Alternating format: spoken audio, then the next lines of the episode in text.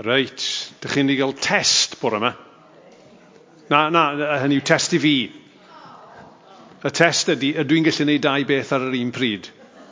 A mi ydw i'n ddyn, so mae'r chances yn slim yn dydy. So, dwi wedi cael, dwi wedi cael thing newydd ar y fy ffôn i, a dwi'n gobeithio fyddai'n cli clicio'r slides mlaen o hwn, ond os dwi'n styc, na i jyst wefio'r Elis, a wneud e jyst cymryd drosodd. Okay? Reit, wel, dwi am i ni uh, glywed um, darlleniad i ddechrau, a dyn ni am droi at... O, hei! Dyn ni am droi at ail lythyr Timotheus. Fyddai di'n hofio erbyn y sleid nesau gyda llaw. Ail lythyr um, Timotheus, penod gynta, a dwi jyst yn mynd i ddarllen yr, y deuddeg adnod cynta. Llythyr gan Paul, gafodd ei ddewis gan ddiw yn gynrychiolydd personol i'r Mesoea Iesu. Wedi'f anfon i ddeud wrth bobl am y bywyd sydd wedi ei addo i'r rhai sydd â pherthynas a Iesu, y Mesoea. At Timotheus sydd fel mab anwyl i mi, dwi'n gweddio y byddi di'n profi'r heilioni rhyfeddol, y trigaredd a'r heddwch dofn mae Dyw ein tad a'r Mesoea ein harglwydd yn ei roi i ni. Dwi mor ddiolchgar i ddiw amdana ti. Y diw dwi'n ei wasanaethu gyda chydwybod clir fel y gwnaeth fy nghyn dadau. Dwi bob amser yn cofio amdana ti wrth weddio ddydd yna nos. Dwi'n cofio dy ddagrau di pan oeddwn i'n dadael, a dwi'n hireithi am dy weld di eto. Byddai hynny fy ngwneud i'n wirioneddol hapus. Dwi'n cofio fel rwy ti'n ti ymddiried yn yr arglwydd.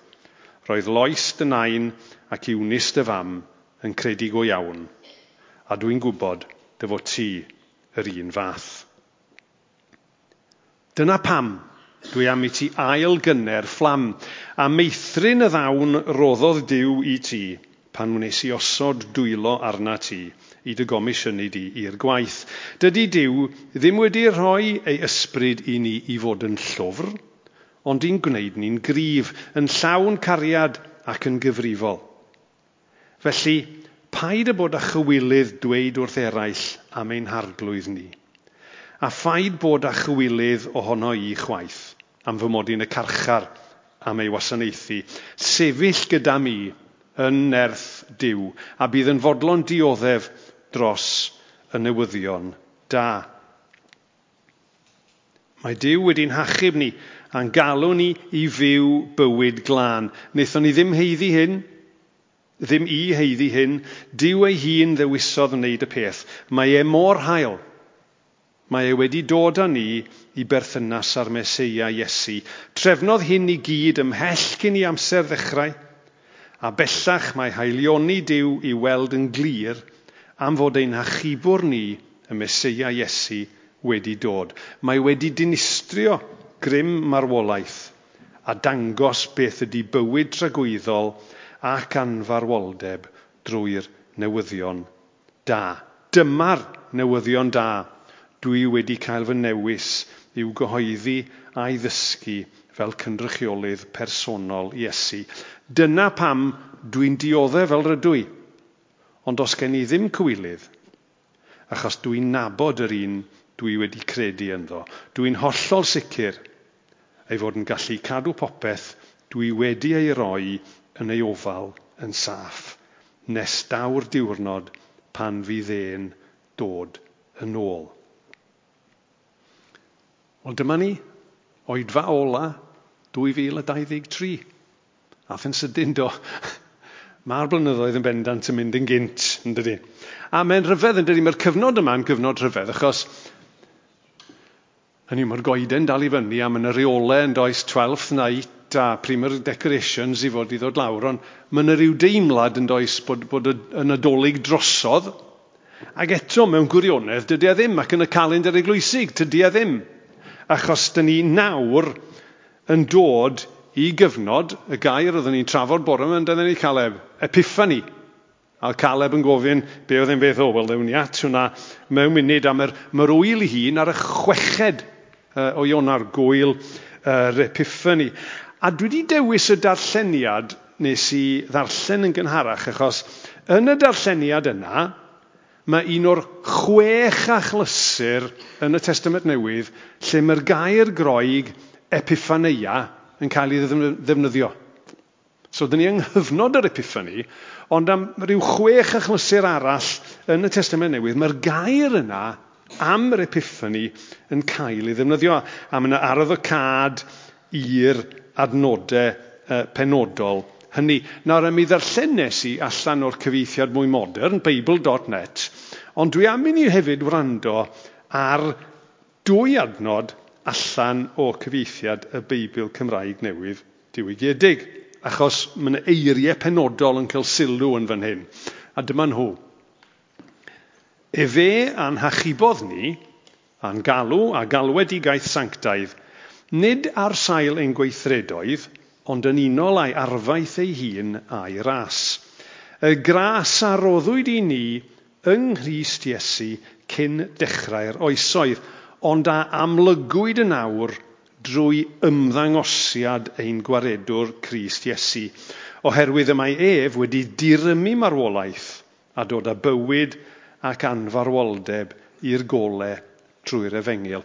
A mae'r cyfieithiad yna o adnod deg yn cynnwys dau air wahanol. Nethoch chi sylwi, ond a amlygwyd a drwy ymddangosiad. Oedd, ymdda, oedd ymddangos a rhywbeth yn cael ei amlygu. A'r gair yna, ymddangosiad, rhywbeth yn dod i'r amlwg, ydy'r gair sy'n dod â ni at galon neges yr epiffany. Nawr, dwi'n yn gwybod, dewch chi'n onest, oce, okay, dwi'n lefo ni. Pwy sy'n joio'r doleg? Oce, okay, y mwyafrif, tydi pawb ddim. Chymo? Mae doleg yn gyfnod rhyfedd iawn yn dydi. Uh, weles i rhywbeth gan Banc Bwyd Abergeled, dwi'n meddwl, mae, mae, mae doleg fel rhywbeth o chwyddwydr Os, ydych chi, os di'ch bywyd chi'n llawn ac yn hapus, mae'r dolyg yn llawnach ac yn hapusach. Ac os ydych bywyd chi yn drist ac yn, ac yn, ac yn, uh, yn llwm, mae'ch, bywyd, mae'ch dolyg chi yn drist ac yn llwm. A mae'r nadolig secular modern yma dyn ni'n byw yn ei ganol ydy troi mewn i ryw fath o anghenfil yn dydy.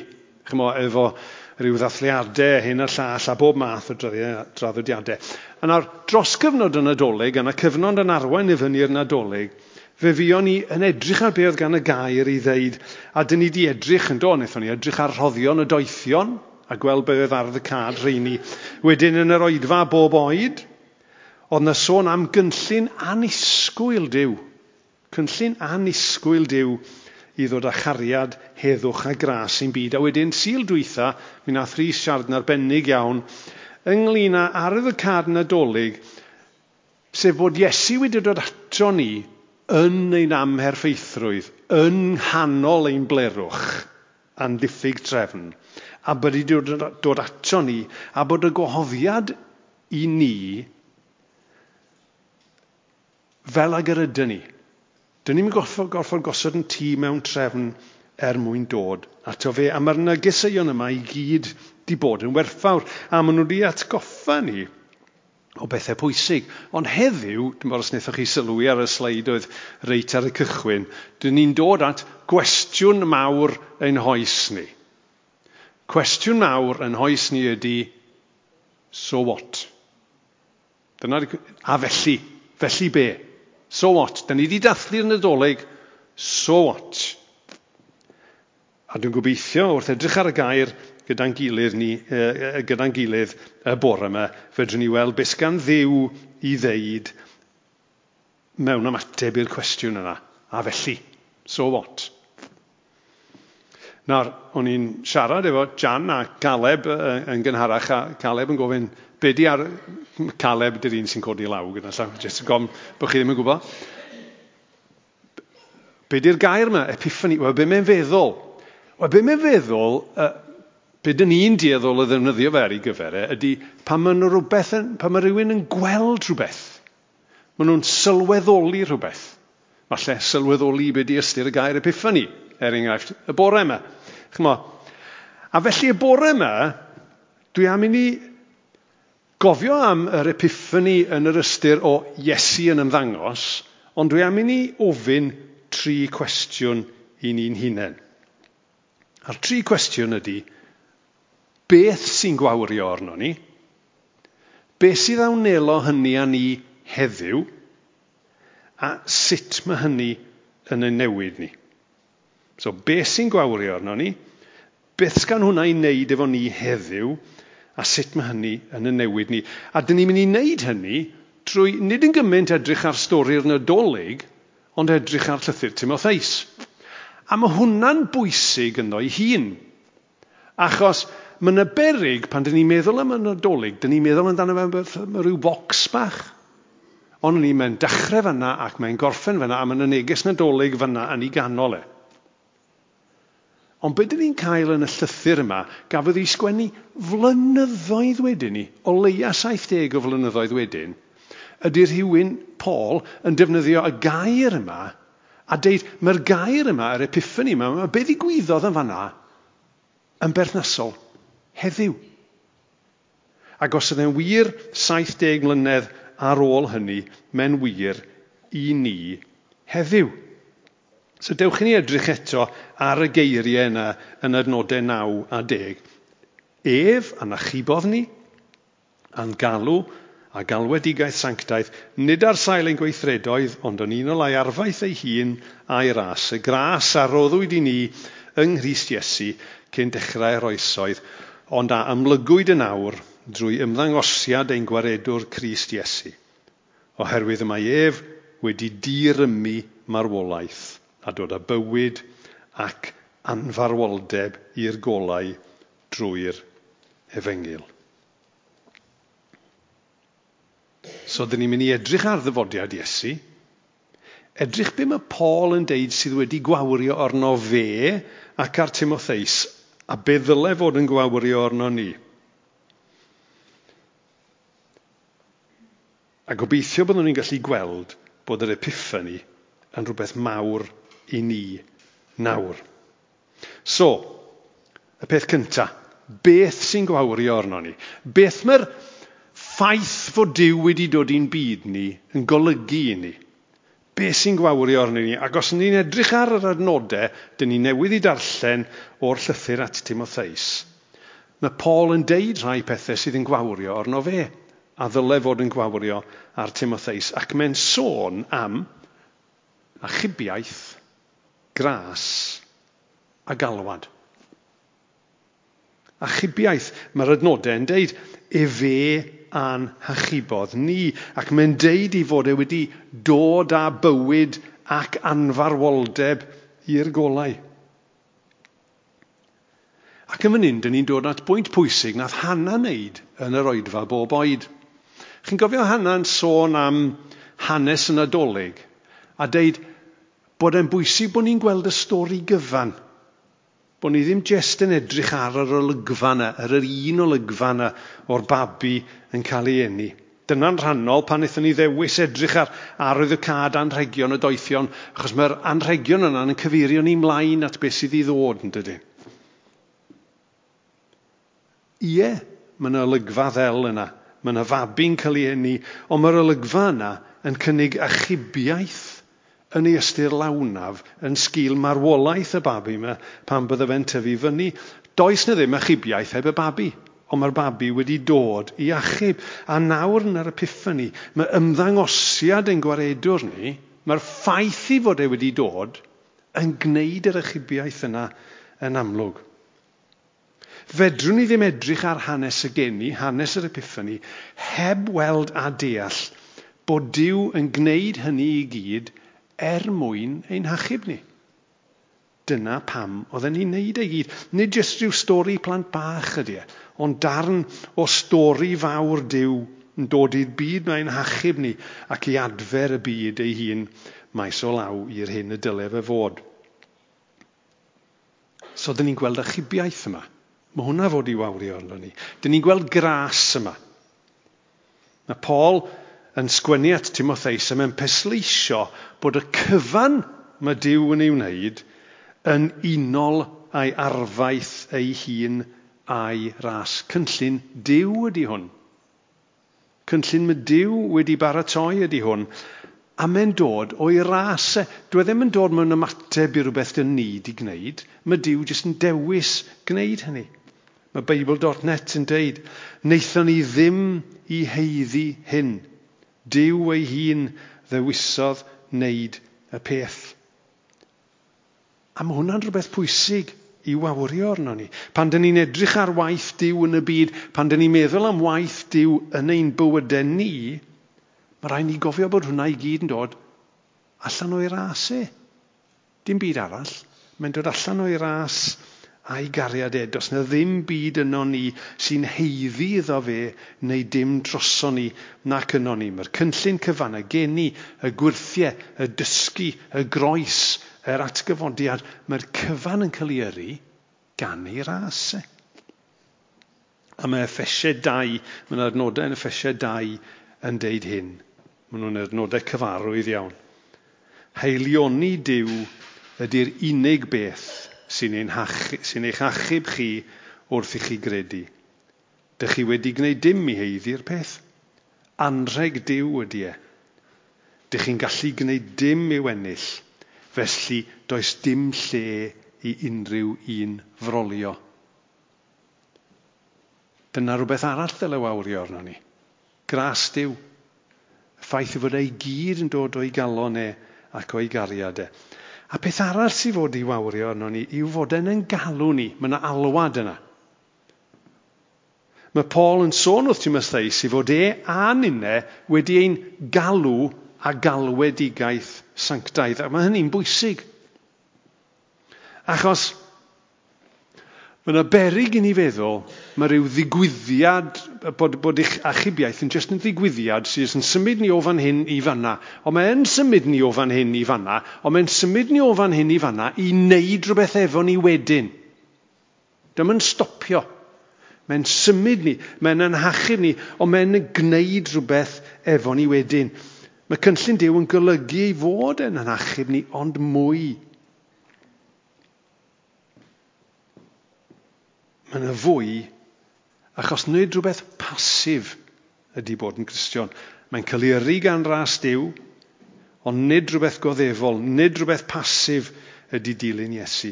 Wrth i ni ddod i fyw, wrth i ni weld e yn byw ac yn gweithio yn ein bywydau ni, mae eisiau gwneud rhywbeth sy'n gyrru newid yno ni.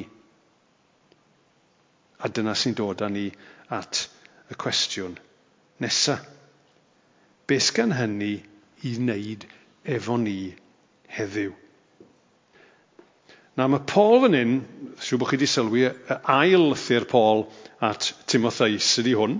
Na, chydig bach o gefndir i chi. Mae'n debyg bo, bo, mae hwn ydy'r llythyr yn rhefn amser, felly hwn ydy'r llythyr chwyra i Paul ysgwennu. Okay? So hwn nawr, mae wedi sgwennu lot o lythyrau, ond hwn dy'r un dwytha iddo fe ei sgwennu. Ac erbyn hyn, wrth gwrs, mae'n y jail. Ac erbyn hyn, mae'n reit amlwg beth sy'n ei wynebu e. Mae yna gyfnod wedi mynd, mae wedi cyrraedd rhifain, mae wedi gobeithio cael ei ryddhau, mae wedi apelio fan hyn a fan arall ac yn y blaen. Ond mae'n reit amlwg beth sy'n ei wynebu. E. Roedd marwolaeth yn ei wynebu e. Cyn y cyfnod yma, oedd wedi rhyw led obeithio y bydde fe'n cael ei ryddhau er mwyn parhau a'i weinidogaeth e. Ond mae'n dod yn fwy ac yn fwy amlwg, mae hwn fydd ei ddiwedd e nawr. A mae'n sgwennu llythyr at Timotheus. A mae hwn yn lythyr chydig bach mwy personol.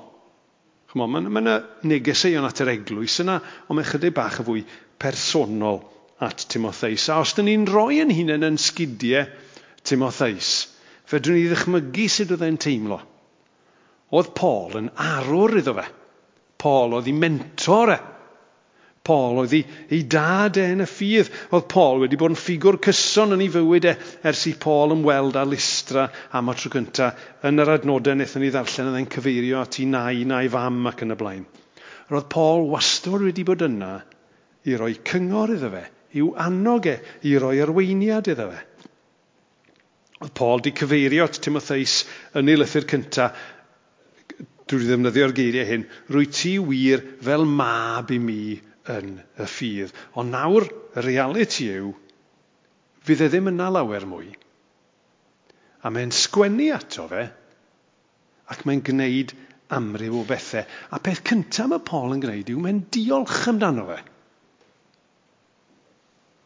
Dyn ni'n cael diolchgarwch. Falle bod e'n swnio'n od, ond be mae'n deud? Dwi mor ddiolchgar i ddiw amdana ti. Dwi'n cofio fel rwy ti'n ymddiried yn yr arglwydd. Ond mae'n bwysig i Timotheus glywed hyn, chi'n gweld, achos o beth dyn ni'n gwybod am Timotheus, a chymau, efo lot o'r cymeriadau mewn o'r Beibl, dyn ni'n gwybod rhyw gymaint amdanyn nhw a dyn ni'n dyfalu rhai pethau, ond dyn ni'n cael yr argraff bod e bod e ddim yn berson arbennig o grif. Hynny yw, mae'n cael trafferth efo'i stumog a, a chymod, mae Paul yn deitha fe'n gymryd chydig o wyn ac yn y blaen. Dwi e ddim yn berson arbennig o grif a dwi e ddim yn berson arbennig o hyderus. A felly, roedd cael ei annog yn bwysig iddo fe. A dyna be mae Paul yn gwneud yn fan hyn. A mae hwnna'n rhywbeth i ni gofio hefyd. Chi'n gwybod weithiau, os ydych chi fatha fi, ydych chi'n edrych ar eich bywyd eich hun a ydych chi'n chi mynd yn reit frustrated. Chymod, ydych chi'n teimlo, dwi'n mynd i'n unlle, dwi'n tamed y gosach i'r arglwydd yn gôn i ddeg mlynedd yn ôl. Ond meddyliwch pa mor braf ydy e wedyn pan mae rhywun yn yr ato chi ac eich annog chi. Ac yn deir beth, dwi'n gweld bod Dyw yn dy ddefnyddio di wneud y fath ar peth. A mae hwnna gymaint yn well achos rhywun arall sy'n deud eich yn gweld. Dyn ni'n meddwl y pethau yma droston ni'n hunain. Mae anogaeth a diolchgarwch yn bwysig, achos mae'n dystiolaeth o'r ffaith bod Dyw yn gweithio yn ein bywydau ni. A mae hwnna'n gymaint o gysur ac mae mor bwysig. Be arall nath Paul ddeud wrth Timotheus? Dwi bob amser yn cofio amdana ti wrth weddio fydd a nos. Dwi bob amser yn cofio amdano ti wrth weddio ddydd a nos. Mae'n deud i fod yn gweddio, a thrwy hynny mae'n yn hannog ni i weddio. Nawr en, weithiau mae gweddi chydig bach o ddirgelwch yn dydi. Chymo? Mae Dyw eisiau cyflawni ywyllus, dyn ni'n gweddio am rhywbeth ydy e'n... Chi'n gwybod, a weithiau dyn ni ddim yn deall a weithiau dyn ni'n deall mechanics sut mae gweddi yn gweithio. Ond falle bod ni'n gorgymlethu pethau weithiau. A'r cyfan sy'n rhaid ni'n wneud ydy bod, fel edodd Iesu fel plant bach, a just gofyn. Just siarad gyda ge. Just gofyn. Os dyn ni'n edrych ar air Dyw, dyn ni'n gweld yn glir bod Dyw am i ni weddio, i fod e am i ni fod yn onest gydag e yn yn gweddiau yn ein gweddiau ni, ac mae hynny'n wir yn ein gweddiau personol ni. A mae bywyd gweddi'n bwysig i ni yn personol, a mae'n bwysig bod ni'n cydweddio gydag eraill hefyd. Ac yn hynny o beth gaich atgoffa chi am y criw bach sy'n cyfarfod yma unwaith bob pethefnos, dwi'n meddwl, yn y capel ymlaen llaw ar fore di sil i weddio. Ofnadw o bwysig, ofnadw o bwysig. Cofiwch bod gwahoddiad i ymuno gyda nhw. Ond mae'r gweddi yma mewn ymateb i'r hyn yma Dyw wedi gwneud yn bwysig. A'r trydydd pwynt ar hyn, beth sydd yn hwn i wneud efo ni heddiw, yw men yn galw ni i ddalati. Felly, paid a bod â chywilydd deud wrth eraill am ein harglwydd ni, a phaid bod â chywilydd ohono i chwaith, am fy mod i yn y carchar am ei wasanaethu, sefyll gyda mi yn nerth Dyw a bydd yn fodlon dioddef dros y newyddion da. Os ddim sbel ers i ni orffen cyfres yn mynd trwy y llythyr at y Philippiaid. A gen i gof, mae grŵp ni'n cyfarfod yma yn y cydeiriau cyfforddus yn fyna ar, ar nos fawrth bob yn ail wythnos. A un o'r pethau dwi'n cofio ydy un o'r pethau oedden ni'n dod nôl ato fe dro ar ôl tro wrth i ni feddwl am yr hyn roedd Paul yn deud wrth y Cresnogion yna, sut oedd e eisiau iddyn nhw dyfu, oedd oedden ni hannog nhw i ddal ati. Oedden ni'n o'r geiriau a'r dywediadau yna, oedden ni'n dod nôl iddo fe. Mae Dyw yn dal ati yn ei waith yno ni, a mae angen i ni ddal ati yno fe. A weithiau mae'n hawdd, neu mae'n haws, a weithiau tydi e ddim. Ac yn yr adegau yna pan dydy e ddim, mae'n rhaid i ni ddal ati. Mae'n rhaid ni gofio bod e wedi'n galw ni a bod yr alwad yna i dreulio gweddill o'n bywydau gydag e. Mae dal ati yn bwysig. A beth sy'n helpu ni ddal ati yw meddwl am yr epiffani. I fod e wedi dod ato ni. I wedi gwneud hyn i gyd yn bosib. Ond sut mae hwnna yn y newid ni? Dyna ni'n dod nôl i'r cwestiwn yna. So what felly? Sut mae hynny yn y newid ni? A mae yna wahoddiad i ni. A y bore yma, spoiler alert, mae hwn yn mynd i fod yn un o'r negeseuon yna sy'n weithiau medru neu ni dimlo chydig bach yn anghyfforddus, achos dwi'n mynd i fod yn gofyn i ni i gyd feddwl ni a sut yn ni'n ymateb i'r ffaith i fod e wedi dod, i'r ffaith bod goleini'r byd wedi dod i'r tywyllwch, i'r ffaith i fod e wedi dod i fyd toredig at bobl fel chi a fi sydd wedi torri. A mae'n addas iawn bod ni'n gwneud hynny ar ddiwedd un blwyddyn a dechrau blwyddyn newydd yn dydi, achos mae'n gyfnod pan dyn ni'n dieddol o feddwl am bethau felly. Achos mae'r epiffani Mae'r ffaith i fod e wedi ymddangos yn mynnu ymateb. Mae'n mynnu ymateb. A mae ymateb yn bwysig. Unwaith eto, nath Martin sôn bod ni'n mynd i um, fod yn troi at lyfr y salmau uh, yn yr wythnosau nesaf. Ac yn y llythyr at yr Ebriaid, mae llythyr at yr Ebriaid yn dyfynnu salm 95 pan mae'n deud. A mae hwn yn neges i ni i fod yn craffu arno fe. Os clywch chi lais diw heddiw, peidiwch a bod yn ystyfnig, fel oeddech chi adeg y gwrthryfel. So'r bore yma, os dyn ni'n clywed neges yr epiffani, os dyn ni wedi clywed y neges yna droion o'r blaen, ond bod ni heb ymateb o gwbl, mae yna wahoddiad i ni ymateb bore yma. Mae yna wahoddiad i ni sylweddoli bod achubiaeth ar gael i ni trwy ras diw, nid yn ôl yn heiddiant ni, a bod yna alwad i ni i fywyd newydd sanctaidd. A dwi ddim yn ymddiheirio am wneud y gwahoddiad yna bore yma, lle mae rhan fwyaf ni wedi bod yn dod i'r capel sawl tro. Hynny yw, mi ddudodd rhywun unwaith bod eistedd mewn garej ddim yn eich gwneud chi'n gar. A tydi dod i'r oedfa ddim yn eich gwneud chi'n gristion. Dwi'n gwybod, dwi'n fab i weinidog. I've been there, I've got a t-shirt. Chi'n gwybod? Mae yna wahoddiad i unrhyw un sydd ddim eto wedi rhoi, i roi i hunain. I ildio iddo fe, i blygu iddo fe, i roi ei hunain yn ei ddwylo fe. A mi fydd yna gyfle tawel ar ddiwedd y neges i ni gyd wneud hynny yn dawel droston ni'n hunain os dim addas i ni wneud. Gan gofio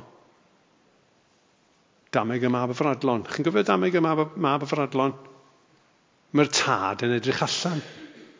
Mae'r tad yn edrych i ni droi ato fe. Mae'r tad yn disgwyl a mae'n rhithro allan i groesawu'r un sy'n troi ato fe. So os ydy, os ydy hwnna wir amdano chi bore yma, cofiwch hynny. A be am y rai ohono ni sydd wedi yn ateb iddo fe? Be am y rai ohono ni sydd wedi roi ein bywydau ni? Fel o Timotheus wedi gwneud. Mi fedrwn ni dal fod mewn llefydd gwahanol yn ein bywydau yn gallwn. Mi fedrwn ni dal fod angen clywed rhywbeth gwahanol. Chymod, dyn ni wedi trafod sawl tro a di meddwl amdano ni a sawl darlun i'n helpu ni ddeall sut beth ydy bod yn Gristion. A dyn ni wedi meddwl am ein hanne, am ein hunain fel, fel building site, yn dydyn, fel safle adeiladu, chydig bach yn fler, ond gwaith yn mynd mlaen a diw yn trio gwneud rhywbeth o'n bywydau ni.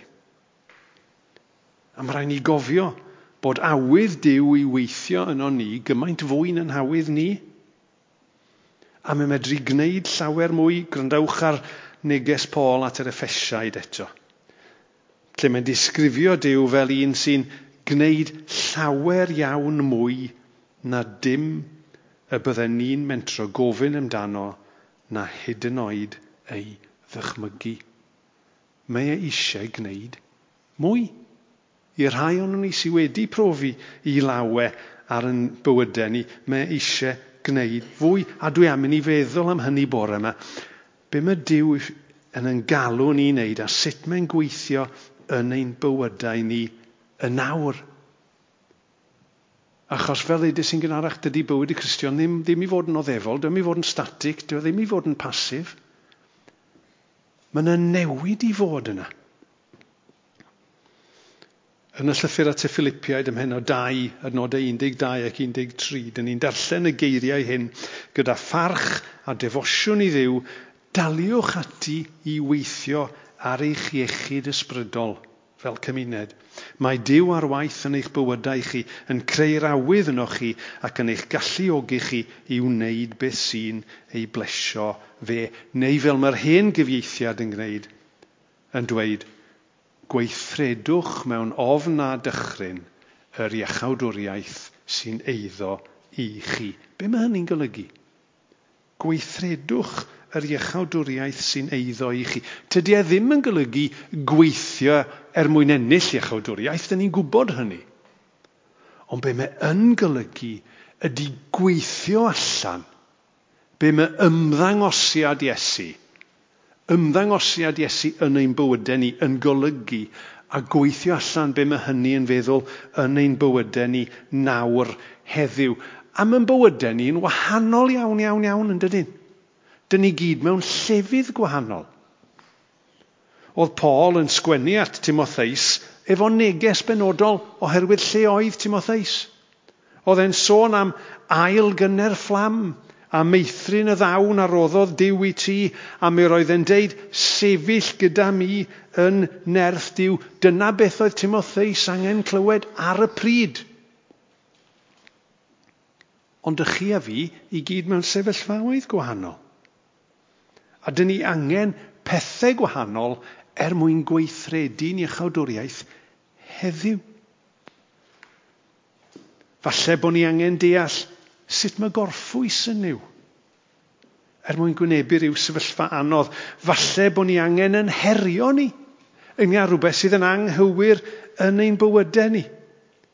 Falle bod ni angen ymddiried ynddo fe i ddilyn ei arweiniadau e a rhywbeth fe fydd yn wahanol i bob un ohono yn Dyw sy'n gwybod pa neges mae am i bob un ohono ni glywed y bore yma. Y peth pwysig ydy yn bod ni'n fodlon gwrando a'n bod ni'n fodlon ymateb. A fel ddedais i, ar ddiwedd y neges yma, dwi am mynd i jyst cael cyfnod tawel na i weddio mewn chydig, ond dwi am mynd i gael cyfnod tawel, ac yn y cyfnod tawel yma, dwi am mynd i gyd weddio yn unigol, dwi am mynd i geisio Dyw, a gweld be mae Dyw eisiau wneud yn ein bywydau ni heddiw. Achos mae'r epiphany wedi digwydd, chi'n gweld. Mae Dyw wedi ymddangos. Ac os dyn ni wedi ymateb iddo fe, mae wedi ymddangos i ni.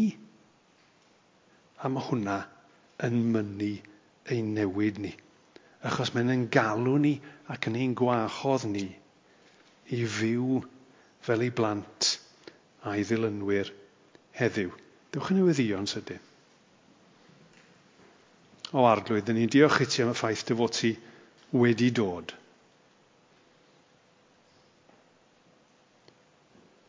A dyn ni'n diolch i ti am y cyfan mae hynny'n dangos i ni. Am yr achubiaeth, am y gras, am yr alwad. Bod gynnwn ni gymaint i fod yn ddiolchgar yna fe. Bod ti'n yn gwachodd ni fewn i fywyd o weddi, bod ti'n yn gwachodd ni i ddal ati. Ond arglwydd, helpa ni feddwl nawr nga, be di dy neges di i ni heddiw? Beth yw'r un peth yna wyt ti'n gwasgu ar ein calonau ni heddiw? Helpa ni wneud hynny? A helpa ni i ymateb i'r hyn rwy ti'n deud thyn ni. Amen.